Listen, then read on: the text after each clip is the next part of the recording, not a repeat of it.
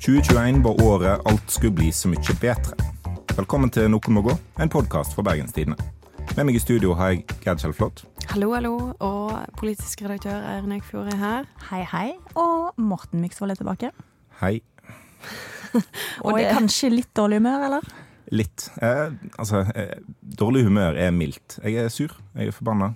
Eh, og så skjedde det noe med Brann i går i tillegg, så ja. Alt er dritt.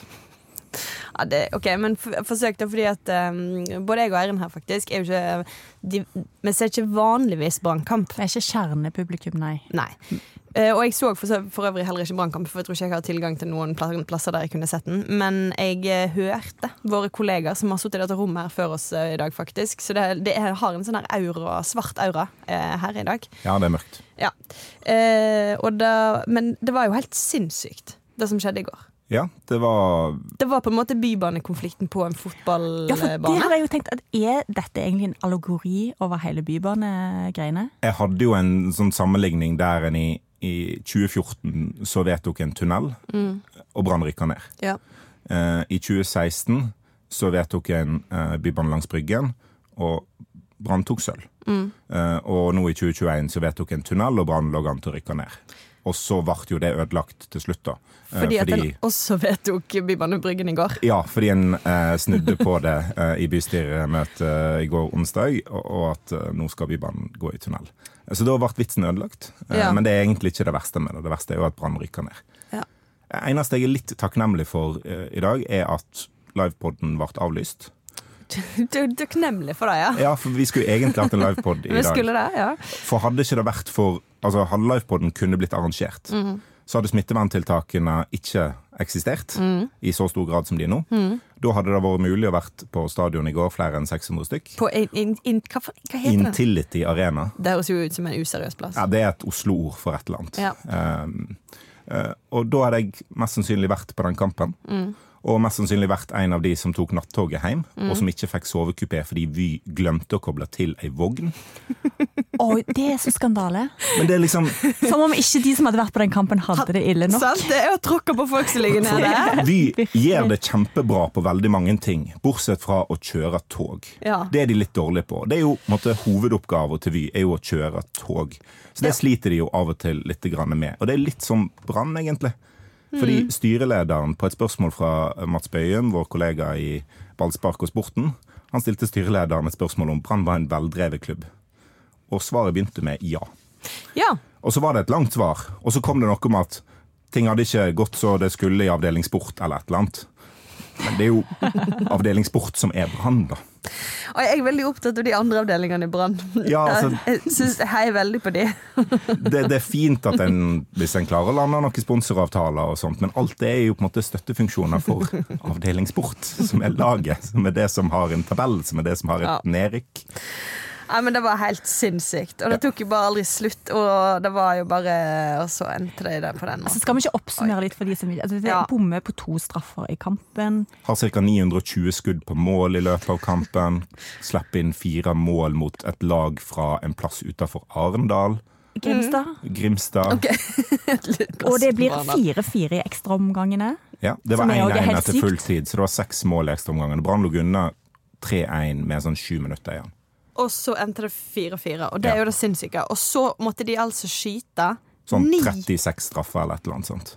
Endte Det varte lenge. 7-8. Ok, Altså, men det- ja. Jeg var jo imponert av at de traff så mange eh, straffer. ja. Det er jobben Etter deres. den mentale bunntilstanden de må ha vært i når de starter på det. Ja, det er jobben deres. Morten, det er ikke. Morten er ikke imponert her han sitter. Nei, ikke pokker. Altså, men noen vil mene at ballspark burde ha fått lånt Noen må gå-navnet i forbindelse med branndekningen i år. Uh, og av og til har jo det vært riktig. Sant? At Av og til er det noen som må gå. Eh, det er jo, navnet vårt er jo litt sånn henta fra både politikken og fra egentlig livet rundt brannen. At det er alltid no noen Og bare Bergen generelt. Ja, det er alltid noen som roper at noen må gå. Jeg syns jo ikke navnet er veldig dekkende for situasjonen i Brann akkurat nå, da. Det er litt mildt. Det, er litt, det er litt for mildt, ja. Ja. Men da kan vi jo komme tilbake til det på slutten, om det er noen som må gå. Så kan du lage deg litt av liste. Jeg tror ballsparkgjengen kanskje får ta seg det? av okay. det. Altså, så hør, hør på ballsparket da, Ja. folkens. Jeg er bare sur. De kan det. Mm. Um. OK, men skal vi gå videre? Nå har vi på en måte oppsummert fotballåret i Bergen. Eh, det var drit. Det var drit. Ja. Piss, piss, piss, som jeg innførte som eh, kraftbegrep i forrige uke. Ja. Ja. Og nå kan vi ta en liten politisk oppsummering, da. Ja. Vi, og vi kan begynne med Bergen. Eh, og snakke litt om Roger Vallemer, byrådslederen vår, og hans eh, byråd. Han Nå er de litt over halvveis i denne valgperioden. De har sittet i, i to år. Og ingen har sagt at denne mannen har en enkel jobb, men i år har det jo eh, toppa seg på mange vis. Eh, det er jo mye pga. Bybanesaken. Eh, men før vi liksom går ned i den, eh, for der har vi jo Ned i det hullet har vi vært før, på en måte, hvis det er lov å si. Er ikke. Men la oss snakke litt om et fritt land, Gerd. snakke litt om korona først. Um, for, forrige uke så var det jo tilbake til eh, strenge lokale tiltak. Og eh, da, nærmest i en bysetning så fortalte Vallamer og helsebyråden og, osv. eh, at siden all smitte heretter kan være dette omikronviruset, så er det bare å sette alle i karantene, egentlig. Ja. Eh, ut, med to uker igjen til jul, eh, så var det bare ingen eh, lystige utsikter. Men så skjedde dette. Nå snur dere, Roger Wallhammer, byrådsleder for Arbeiderpartiet i eh, Bergen. Hva er det som har skjedd mellom i går og i dag som gjør at det er behov for enda noen nye regler? Ja, eh, ja, Det er jo et godt spørsmål. og eh, Jeg forstår veldig godt den forvirringen som har vært viktig for oss å oppklare i dag. da, Så vi får regler som er mulig å forholde seg til framover, og som er like for alle. Bakgrunnen for det er jo at vi har en nasjonal koronaforskrift som for første gang har den varianten at eh, det er to ulike karantene- og isolasjonsbestemmelser, om det er omikron eh, du er smitta av, eller delta-varianten. Eh, og Det er noen kriterier knyttet til det som er nasjonale. For øvrig så overlates det til kommuneoverlegen og så er det smittevernoverlegen til å vurdere og hvilken karantenebestemmelse du eh, omfattes av, basert på hva Det tok altså et døgn, og så måtte de trekke det hele tilbake. Og eh, nå er det jo eh, siden den gang kommet enda flere strengere regler. Så eh, man kan sikkert diskutere eh, om alvoret på en måte var der for en sånn regel, men vi må diskutere det pga. framgangsmåten. Eh, for de innførte altså de strengeste karantenereglene i landet med et slags pennestrøk. Uten å i hele tatt Egentlig gidde uten et pennestrøk. Det var det som var problemet. Fordi de bare sa det. Ja. Og så de bare tolka noe regjeringen hadde sagt. ja. På en måte ingen andre kommuner i Norge tolka det. Og så skjønte de ikke hvorfor det var så kontroversielt. Men du er jo eh, faktisk eh, utdanna, har lest eh, Norges lover og slikt. Eh, Jeg er en ekte jurist. Ja. Eh, Men heldigvis er det jo òg en del juseksperter som òg uttaler seg om dette. Men det var helt sånn De har jo alltid rett. alltid. Tror jeg. Men det går ikke an å stenge ned en by på så tvilsomt grunnlag. Og Problemet deres var at det er en forskrift som heter koronaforskriften, som er et forvirrende dokument, for det blir jo endret hele tiden. Jeg så det var lagt ut et bilde av endringsloggen til den koronaforskriften. Det er ikke et bilde, det er en sånn pergamentrull. Ja, det ser ut som et eller annet fra et, et tapt sivilisasjon, altså. Og det kan jo hende det stemmer. Ja. Men i dette tilfellet så var det ikke noe særlig tvil om at hvis du skal si at noen har omikron, så må det være en konkret vurdering av den personen. Du kan ikke bare slå fast at ja, men det er så mye omikron her at alle har det, og så sperre folk inn i karantene. For poenget er at du, du har ganske inngripende karanteneregler når det er omikron, og det må du begrunne. Du kan ikke bare si at sånn skal alle ha det. Du kan ikke bare stenge folk inne. For det er jo en helt sinnssykt, og det glemmer vi, tror jeg, etter to år. At det er jo helt vanvittig inngripende i folks liv. At du, må, at du ser nei, nå skal dere være hjemme i ti dager, eller ok, da sju, og så skal dere ta en test, og så skal dere være inne til den, dere får svar på den. Så åtte dager inne. Fordi en bor i Bergen. Hvis en bor i Ja. Oslo eller Trondheim eller en eller annen plass, så gjelder ikke det. Fordi byrådet i Bergen tolker det sånn. Og det er, jo, det er jo veldig rart. Og, ja, og de tol for det første så tolker de jo forskriften helt feil. Eh, og når de først skal gjøre det, så begrunner de ikke hvorfor, de bare sier at sånn skal det være. Eh, og så fremstår det jo som om eh, kommuneoverlegene bare får lov til å bestemme. Sånn som eh, der er kommuneoverlegen Trond Egil Hansen som var på pressekonferansen, og så sa han jo ja, men han syntes han hadde lest et eller annet i media om at eh, Jeg husker ikke helt hvor, men han trodde at Helsedirektoratet hadde anbefalt dette. Og så blir han konfrontert. Altså, ja, jeg klarer ikke helt å svare på hva, men eh, ja, trodde nå. og og helsestyresmakten har vært veldig tydelig på at omikron-varianten kommer til å bli dominerende. Det kommer til å gå ganske raskt. Men vi er ikke der ennå. Nei, for nå, de har jo sjekket, men nå har vi jo ei uke til med kunnskap. Og på Haukeland så driver de og sjekker et, et liksom, tilfeldig utvalg av eh, de positive prøvene de får. Det er jo først i dag at eh, da fant de ni tilfeller av 100. Så det er på en måte, eh, og det er på en måte det meste de har funnet på en dag. Ja. De, har, de aller fleste dagene har funnet ingen. Og det er jo der en kan komme i en situasjon den dagen omikron faktisk har overtatt og er dominerende, har liksom Delta-varianten har rykka ned. Eh, da eh, kan jo en se tilbake igjen på det og sånn Ja, det byrådet gjorde, var kanskje ikke så gale. Det var litt sånn føre var. Hvor er det? Men, eh, ja. Men, men det er ikke sånn smittevernloven fungerer. Du kan ikke bare sette folk i karantene fordi situasjonen kanskje blir sånn som du beskriver nå-situasjonen om tre, fire, fem, seks, sju uker. Det går ikke an å holde på sånn. I så tilfelle kommer vi ikke til å åpne opp igjen. Nei. Fordi det kan jo alltid bli verre. Det kan jo alltid komme en ny variant. Det kan spre seg på nytt. Det kan hende vaksinedekningen og beskyttelsen svikter over tid. Altså, gudene veit. Hvis en skal holde på på den måten der, så kan en aldri åpne opp igjen. Det er klart at det blir jo ikke noe pestspredning hvis alle i hele landet får portforbud og ikke får lov å gå ut av huset sitt. Men vi kan jo ikke gjøre det på den måten. for det. Nei, sant? Og det, men, og det er jo det som er hvis vi skal gå tilbake, for det er jo på en måte Vi diskuterer jo litt eh, den koronasaken. Men eh, eh, for å illustrere egentlig Vallamer og hvordan eh, byrådet hans eh, opererer, da.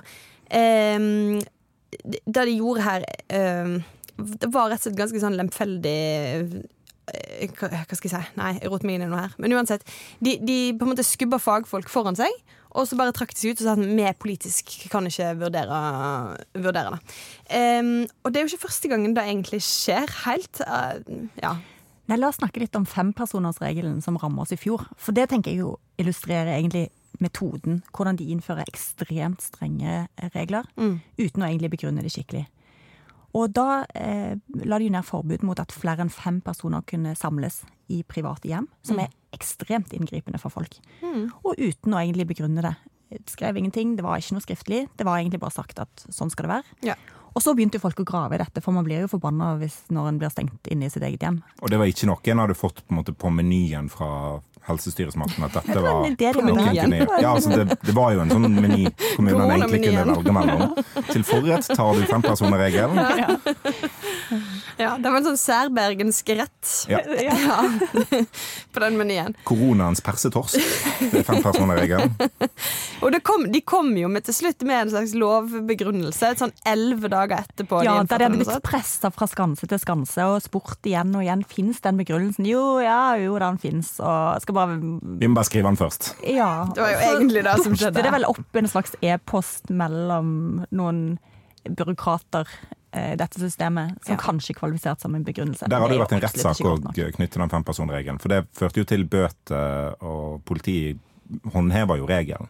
Eh, Så der har det vært rettssak òg om, om, om den. Mm. Så, så det var jo eh, Ja, det var en, en enorm sak i, i fjor. Ja. Eh, Det jeg kan liksom til byrådets forsvar, da, sier de ikke er her for å forsvare seg sjøl, så kan en jo liksom En kan forstå at det går veldig fort i koronasvingene.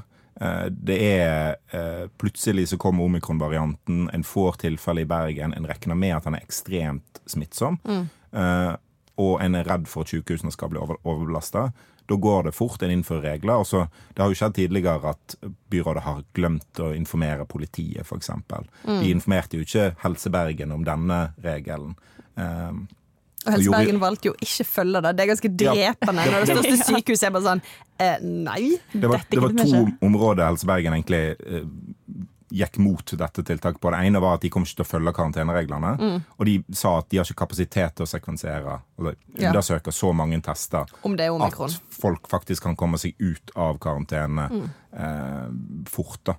For det var jo det som var tanken, at hvis det var mistanke om omikron, så skulle du i karantene. Hvis den mistanken ble avkrefta, så kunne du gå ut av karantene. Mm. Men det krever jo enorm kapasitet på sykehusene. Men rent politisk da, så er jo oppskriften på strenge tiltak veldig enkel. For det, hele poenget er jo at de må begrunne det skikkelig. Hadde Og så må de gjort lage en det- regel. De må lage en regel. Hadde de gjort det med fempersonersregelen, hadde de gjort det med de nye karantenereglene, så hadde det jo vært greit. For da hadde de forklart og veid opp inngrep i privatlivet Sant. mot eh, De negative konsekvensene. Store, stor fare for liv og helse. Ja. Og som regel så trumfer jo livet helse hvis du bare forklarer det godt nok. Så tror jeg at hvis en hadde begynt å lage en begrunnelse for å innføre de karantenereglene nå, og begrunnelsen var at omikron har overtatt, vi må anta at omikron har overtatt i Bergen, så hadde han ikke innført den regelen. For Nei. han hadde skjønt at det en setter uh, i, i forskriftsform, er ikke riktig. Nei, sant? Fordi omikron har ikke overtatt i Bergen ennå.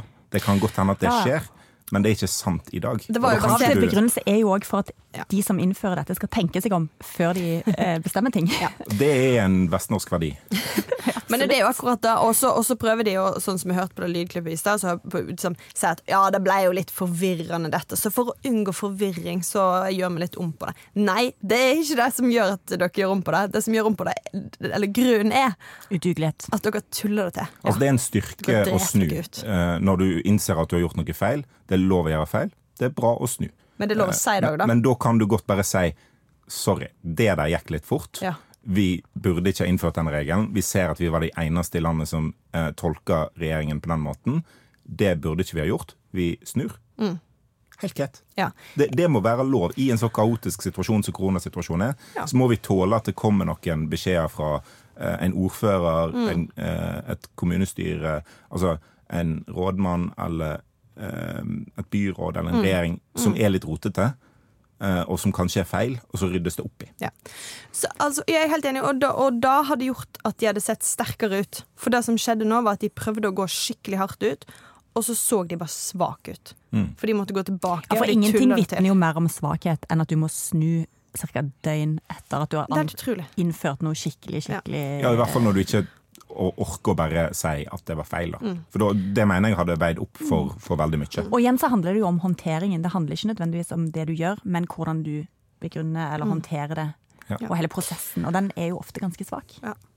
Ok, La oss gå videre, da. For det er jo, som jeg nevnte, det er jo eh, den andre store saken fra eh, dette politiske året i Bergen, er jo Bybanesaken.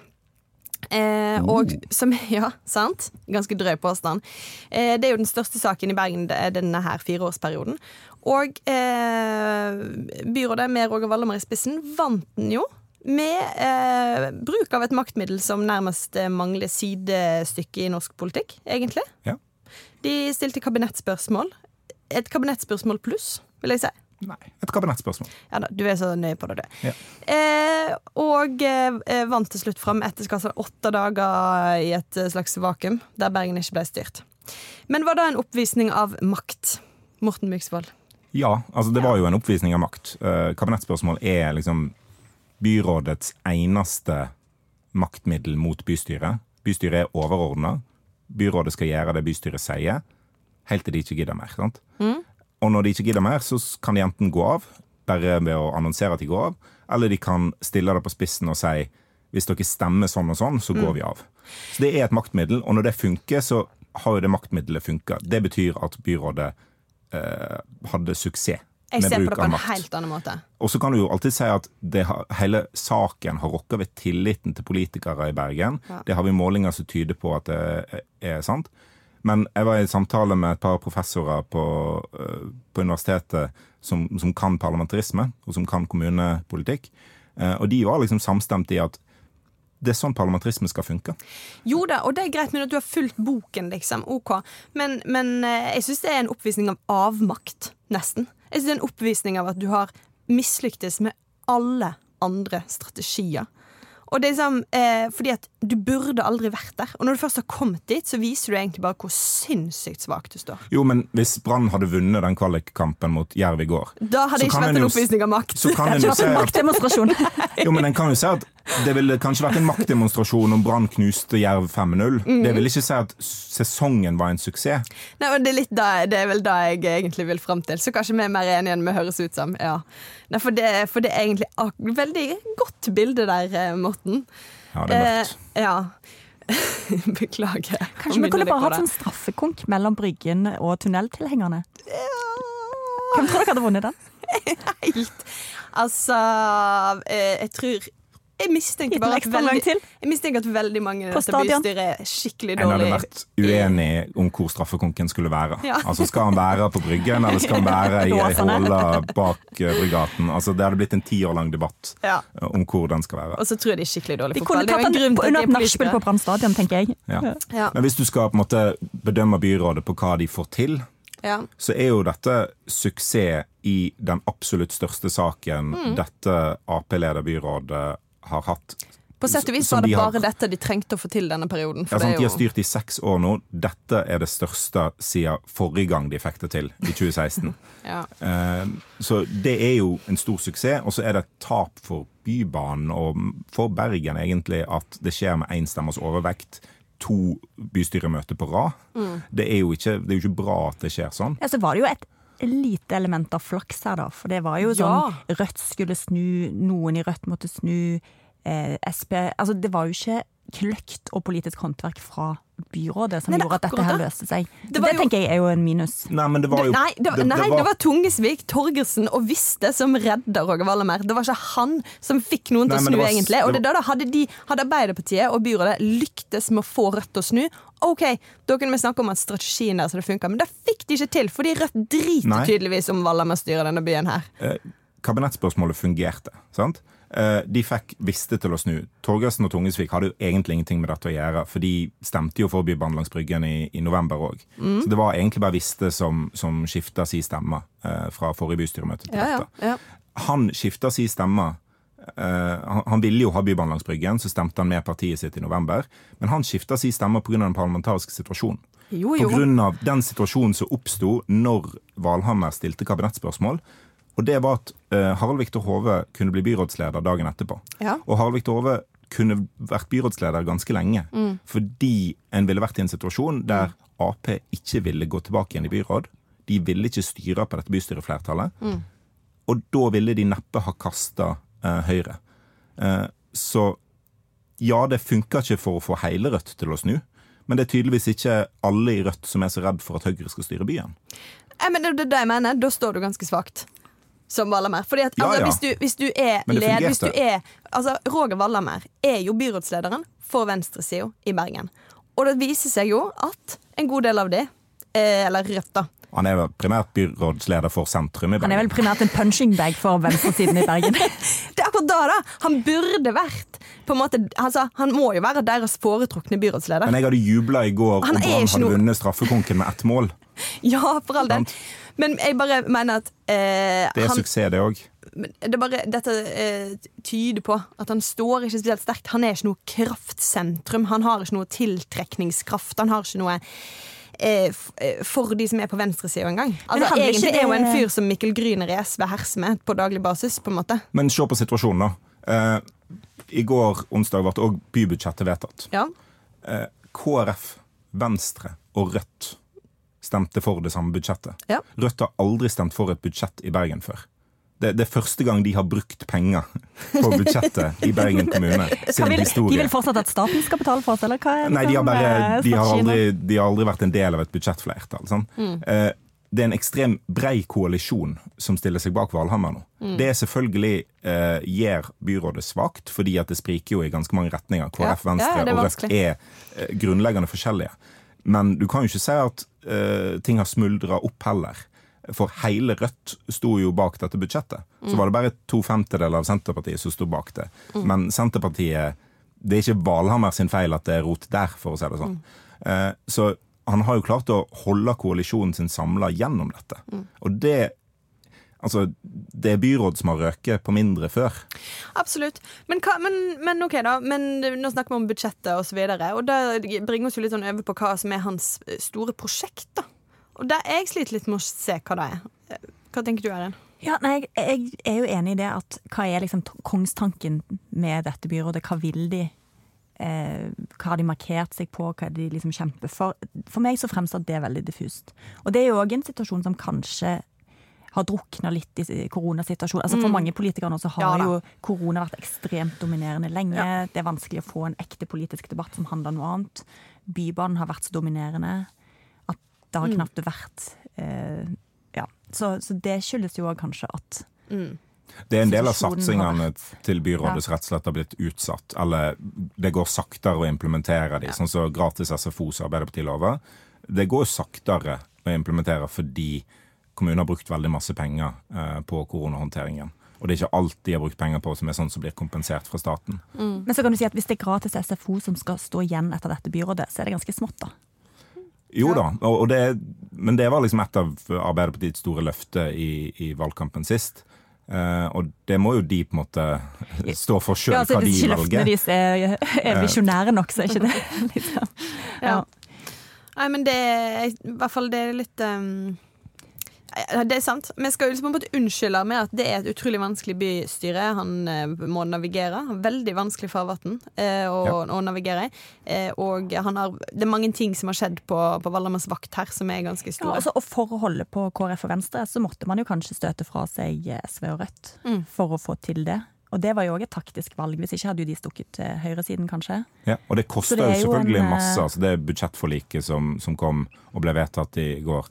140 millioner eller noe sånt i, i merforbruk.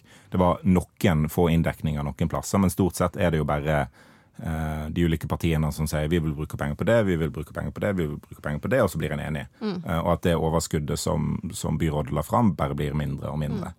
Eh, og det er jo det er jo et tegn på at selvfølgelig at byrådet står svakt, fordi de må jo kompromisse i alle, alle retninger. Og sånn har det vært helt siden, de, helt siden valget for to år siden. At, eh, at eh, det er jo SV har det vært, eh, særlig da, og andre Senterpartiet har det vel stort sett vært SV og Senterpartiet de har funnet sammen med. Mm. Som får lov til å, til å forhandle og på en måte sette sitt preg på ting. Ja, De går jo fortsatt med relativt greie overskudd. Da. Det de legger opp til for neste år, er nok litt for lite overskudd. Eh, men og det er jo også et prosjekt. Men en parallell som går an å trekke, er jo til Raymond Johansen i Oslo, fra Mm. samme parti, som sitter i en sånn tilsvarende konstellasjon.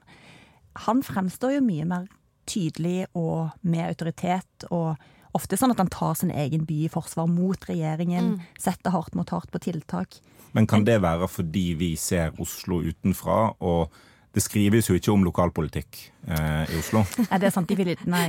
de, har, de har det litt enklere siden de ikke har BT. De har jo altså En kan se masse om Oslo-avisene, men de skriver jo lite om Oslo-politikk. Helt, s- helt Eh, som lokalpolitikk i Oslo. Ekstremt underdekka. Så vi ser jo ofte Raymond Johansen de gangene han er i liksom, nasjonalt søkelys, i konflikt eller liksom, et eller annet med regjeringen. ja, den eneste måten han kan få oppmerksomhet på, det er faktisk å gå til krig mot regjeringen. Han klarte jo ikke. Altså, han røyk jo uklar med Rødt eh, tidligere i år. Lan Marie Berg eh, måtte gå. Hele byrådet gikk av fordi Rødt stemte for et mistillitsforslag.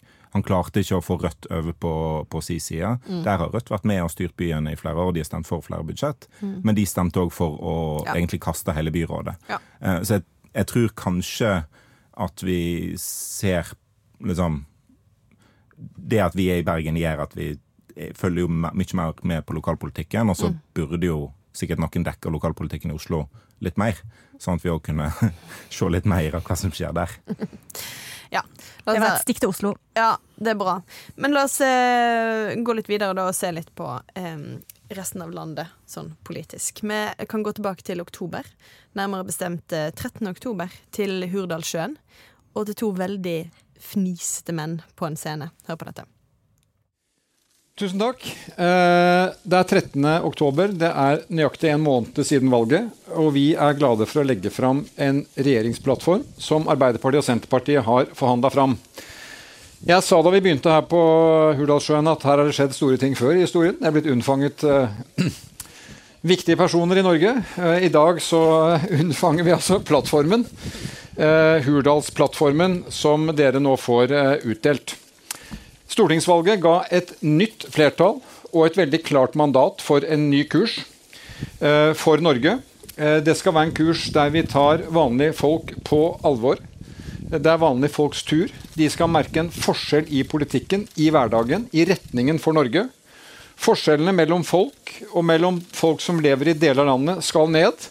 Vi skal ha et trygt arbeidsliv, en aktiv næringspolitikk som skaper jobber i et tiår fullt av muligheter og mange utfordringer. Og vi skal ta hele landet i bruk. Men Norge så viste det seg jo at det egentlig er vanlige folks tur til å få korona, til å sitte hjemme og betale helsikens store strømregninger, egentlig. Eh, Jonas Gahr Støre, som vi hørte her, eh, har jo eh, heller ikke hatt noen lett eh, høst. For det er jo bare noen måneder han har styrt dette landet, men det har jo gått nedover siden denne gledens dagen for han. Tenk for et antiklimaks. Han er jo den best forberedte statsministeren Norge har hatt noen gang. Altså, Fordi han har flere ministerposter, opposisjonsleder, åtte Mm. år, holdt på sjef i Røde Kors og sånt. Og så får han dette i Mm. fanget. Bare konstant krisehåndtering fra dag én. Ja, egentlig. Så det er, jo, det er jo hardt. Det går jo utover hva den, denne regjeringen kommer til å få gjennom av ting. Fordi så masse tid må brukes på koronahåndtering.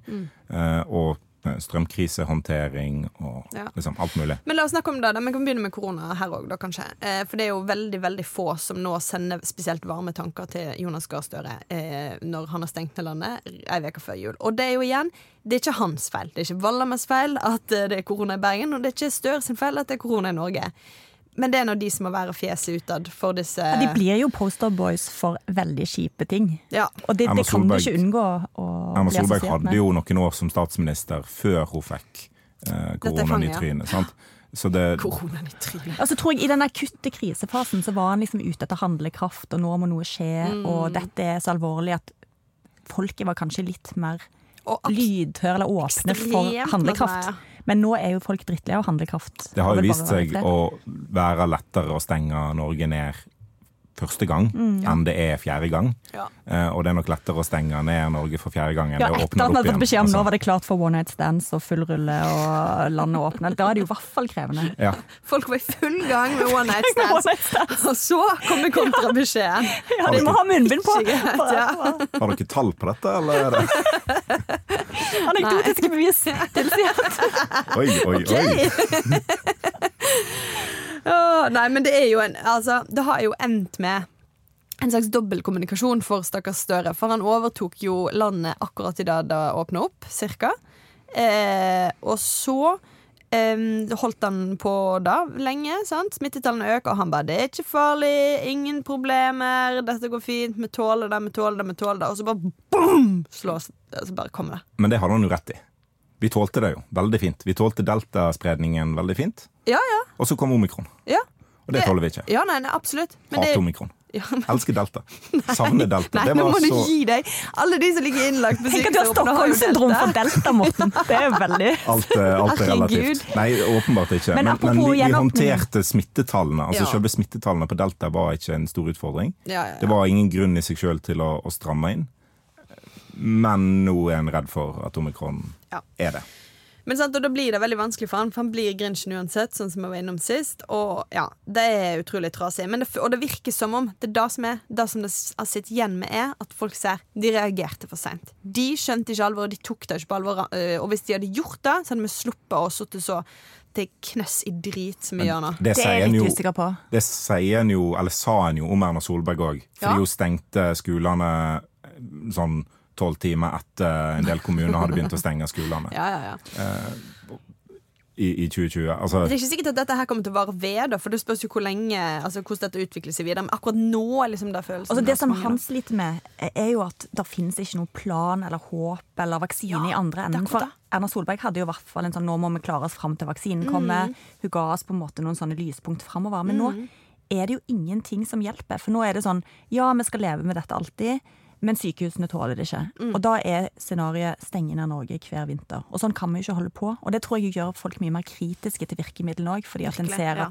Vi kan ikke leve i dette. Det er jo En må gjøre noe større grep, og hva skal det være? Det er jo noen ting som hjelper, og det er jo å vaksinere seg. Altså Det hjelper ikke umiddelbart på smittesituasjonen, Ja sånn som omikron-varianten ser ut, men det vil jo hjelpe på sykdomsbildet på, Men- på sykehusene. Men det er greit, men, men nå har vi vaksinert oss masse, og vi skal gjøre det mer. og ja, men det er noen hundre tusen som ikke har gjort det. Nei, men, men, sant, men, og det løser seg jo ikke. Det er jo det vi ser. Da klarer jo ikke Støre å løse. Så det er da, men så jeg tror absolutt på at han har et veldig problem med å, å vise oss veien ut av det. Og det er han nødt til å finne svaret på ganske raskt. Jeg skjønner at det er kjempevanskelig, men shit, Og det så har er det vært, jeg må bare si litt om dramaturgien i disse pressekonferansene, for det har vært helt forferdelig. Altså, de, de annonserer veldig tidlig på dagen at det kommer nye tiltak, oh, ja. og så drøyer de det helt til klokken åtte om kvelden, Mm. mens de sender ut Nakstad med sånne bekymringsmeldinger og dette alvor, og har åpenbart en sånn strategi om at folk skal sitte hjemme og være redde en stund Mm. før dette kommer. Jeg har så høy puls, jeg. Ja, for jeg kan Jeg forstå det, jeg får ekstremt, jeg blir, ja, av, av jeg blir sånn irritert. Jeg blir irritert, jeg blir- jeg blir stressa òg, for jeg blir stressa for hva er det de skal gjøre mot meg nå. På hva måte skal dere ødelegge livet mitt i dag? For jeg skjønner jo at det skjer, men Jeg kan jo forstå at altså, Grunnen til at pressekonferansen annonseres til klokka 19 eller 20, er jo fordi regjeringen sitter i møte utover dagen og skal Ja, bestemme gjør de nå egentlig da, fordi Støre hadde tid til en sit-down med Bjørn Haugan fra VG. Eh, Det tror jeg han han alltid har tid til. ja, og da er det et problem, for da burde han kutte og stryke fra kalenderen sin og heller holde det Så vi må alle jobbe overtid fordi Bjørn. Haugan skal ha et eh, privatintervju. Altså. Det går ikke. Glem det. Men, Altså, men tingen er at nei. Hele denne oppbyggingen er uansett Altså Hvis regjeringen sitter fram til klokka 16-17 og skal vedta hva de skal snakke om klokka 19.20, greit nok. Men det er den der eh, Nakstad går ut og sier litt om kanskje hva som står i sine anbefalinger. FHI slipper ikke sine anbefalinger ut sånn at vi får faktisk lese dem. Vi må bare tolke hvordan øyenbrynene til Nakstad beveger seg, og liksom drive eh, med den form for eh, analyse hvor, hvor strengt blir det? Nei, han ser litt masse til høyre. Ja, men da, da stenger skolene. Altså, det blir jo bare helt rar situasjon. Slipp ut anbefalingene. La oss få lese hva Helsedirektoratet, hva Folkehelseinstituttet Se, jeg klarte å si Folkehelseinstituttet. Folkeinstituttet. Ja. Um, la oss få lese hva de mener, Mm. vi som er interessert i det, i stedet for å lese at Nakstad er bekymra. For det Men det har jo hele tiden vært et problem i denne pandemihåndteringen, helt siden Erna Solberg holdt på. Mm. At de slapp jo aldri grunnlaget for beslutningene før beslutningene var tatt. Men Nå har de begynt med det sånn rett før. Ja, du har Fordi jo- Ingvild Kjerkol har kritisert regjeringen for det, og så bare hun minner på det Det etter er et par pressekonferanser. Bare sånn Ja, ja shit, det, det skal jeg gjøre. Men det er jo også komplisert for dem når de har sittet i opposisjon og vært veldig tydelige og veldig kritiske til den, til den strategien Ja, ja, ja. som har vært, og så skal de plutselig gjøre noe annet og ende opp med å gjøre det samme med de samme fagfolkene. Ja. Så det er jo krevende. Det er krevende. Og så er det jo litt andre kriser som vi ikke trenger å gå veldig langt inn i. Men sant? Altså, Støre har også hatt eh, strømkrisen på sitt bord. Igjen føltes det litt som at, at de kom litt seint inn i det. Eh, skjønte ikke helt alvoret, tror jeg. De stolte for masse på det her eh, Å, vi har eh, satt ned elavgiften, så nå går alt fint. Ja, Og så var det sånn, eh, Ingenting går fint. Det er fortsatt helt grufullt for de som trenger hjelp. Ja, Så der òg føltes det som at de rett og slett ikke skjønte, og det er ganske drepende for en Arbeiderparti-lederregjering å ikke skjønne eh, at de som har problemer med å betale disse regningene, faktisk har ekte problemer. Men her ser du jo at du har på en måte en sentrumsregjering i økonomisk politikk. Ja. Altså De bruker veldig masse penger på å hjelpe veldig mange, bitte litt. Ja. Det er ikke sånn at de holder igjen på pengebruken, sånn som en skulle ønske at en høyresideregjering driver på. Det er ikke sånn at de spisser pengebruken inn på de som trenger det aller mest, sånn som eh, partiene på venstresida egentlig eh, kunne kanskje tenke seg. De gjør ingen av delene. Så en kunne spart penger på å kutte strømregningen for de som trenger det mest. Med ganske masse, i stedet for får alle det opp til et strømforbruk på 5000 kWt. Og jeg kan forstå de som har et stort hus langs Mjøsa, altså. Ja, der Og kan insentivene ble jo helt skrudd skrudde, sant? for Ja. de oppfordrer jo egentlig mange til å bruke mer strøm. Sånn at flere får dekka. Er ikke det Ja, altså det, det kan jo fort bli resultatet at ja, ok, jeg sparer 1000 kroner på, på strømregningen eh, pga. dette grepet. Da gidder jeg ikke slå av den ovnen, selv om jeg ikke er så masse i det rommet. Mm. Altså, det er jo en del folk som sikkert kommer til å tenke sånn, i hvert fall underbevisst. da. Ja, I hvert fall ikke gidde å spare, Ja. som må være litt av poenget. Og så har de eh, større regjeringen hatt eh, andre eh, Ja, hva skal jeg si? Saker som ikke har kommet så godt ut. Jeg vil jo også trekke fram klima. Som eh, på en måte ble en veldig sånn verkebyll for dem akkurat samtidig som klimatoppmøtet var. Eh, så kom der, eh, deres budsjettforslag og faktisk var dårligere på klima enn Solberg-regjeringen. Ja. Ja, det ble en ganske flau sak. Ja. Det er jo litt det som på en måte, Jeg snakket om det for noen uker siden, at uh, Solberg-regjeringen fikk en litt dårlig start fordi de kom med noen, som Roy Steffensen kalte det, smålige kutt. Uh, brillestøtte, uføre, sånne ting i starten ja. av sin periode. Det gjorde at de fikk et stempel. Støre-regjeringen har på en måte snubla på strøm og klima. Det er ganske store saker. Ja. Eh, Så hvis, hvis inntrykket av regjeringen skal på en måte bli bestemt av de første månedene, så tror jeg den regjeringen sliter ganske masse. Ja, og så har de SV på utsiden, eh, i likhet med Valdemar her i Bergen. Og da kunne jo Valdemar fortalt dem at det er jo en eh, kjip tilværelse, tror jeg. For du ender opp med at eh, SV står der og pisker, egentlig. Um, så i det hele tatt uh, Nå har vi vært litt strenge, kjenner jeg. Eh, det har vært eh, litt sånn dårlig stemning her. Men vi får skylde det på Brann, kanskje. Kanskje vi var i litt dårlig humør. Men eh, vi, vi gir jo Vi, vi Men kaster vi ikke terning. anerkjenner vel at situasjonen for Ja. både styret i Bergen og styret nasjonalt ikke har vært optimalt. Og at de har havnet i situasjoner som har vært litt, Det er vanskelig. litt urettferdig i politikken. For det har så ekstremt mye med rammebetingelsene å gjøre, om du lykkes Ja. eller ikke. Men de Eh. vil jo bli politikere, da. så så de, de vet jo at det er sånn. Da får de tåle det. Det er jo liksom det. arbeidsbeskrivelsen, ja. Okay. Jeg tror vi går videre til vår faste spalte og Vestland. Og jeg har en følelse av at en har gått litt jeg var ikke med på planleggingsmøtet, så en har gått litt utafor Vestland eh, i denne ukes episode. Er det lov? Er ikke det reiserestriksjoner? Jeg vet ikke, Politisk redaktør sa at det var lov. Ja, Dette handler jo om Vestlandet, eh, og jeg skal drive litt eh, stavangersk kulturimperialisme i denne spalten. For de som trodde at de ultimate julefilmene er Home Alone og Love Actually, der fins faktisk et alternativ fra selveste Vestlandet. Og Den heter Mongoland, den har 20-årsjubileum i år, og er kanskje noe av det beste som noen gang er kommet fra Stavanger. Hør på dette. Problem? Se på meg da, for faen. Jeg er nødt til å ha oppvaskhansker på jobben. Ja, men gi nå faen i hele fucking Oslo, da. Der er gratis alkohol hele kvelden. I had those treetops up my ass for two years. Og en må jo elske en film som Disse Oslo, og verdsette gratis alkohol, og der folk kakker bergensere i hodet med balltre på fest. For det det høres, skjer. ut, høres ut som en klassisk sånn bygdedans på Strillalandet. Men det er Kunne bare Kunne bare et kamera ut dit. Kanskje Stavanger Kugdiesel og gratis alkohol blir nevnt, Morten. Jeg tror du har rett. Men ok, men kan du, fordi at eh, vi, har jo eh, fått høre i oppkjøringen til denne podkasten Denne filmen har du aldri sett, Morten Myksvold? Nei, Nei, det har jeg ikke. Eh, jeg, eh, jeg ligger litt etter på, på noen ting. Jeg har ikke forstått at Mongoland er en del av på en måte, kulturkanonen til Stavanger. Jeg, jeg vet jo at det var kulturby i år et eller annet, men jeg visste ikke at det kom kultur derfra. Nei. Eh, Så dette var litt sånn nytt for meg. Det kom ikke så mye kultur. Det er jo Tore Tang, da. Og så Det er Tore det- Tang, og så er det Mongoland. Ja. Men kan du dra oss gjennom Ok. eh, Mongoland? eh, For du Ja. har sett den Ja, ja, ja, absolutt. Og Hver det skjer jo hvert år. i, før jul. Ja. For det er en julefilm, faktisk. Det er en julefilm. Ja. Men det, det er en film der folk kommer hjem til jul. Og det er jo egentlig følger han jo oppskriften fra veldig mange julefilmer. Mm. Vennegjengen møtes, de har kjærlighetsproblemer, der er intriger, der er en fest. Eh, der er samtaler om livet og mange gode Stavanger-uttrykk, Ja. så vi kan lære litt om vår favorittby. Mm.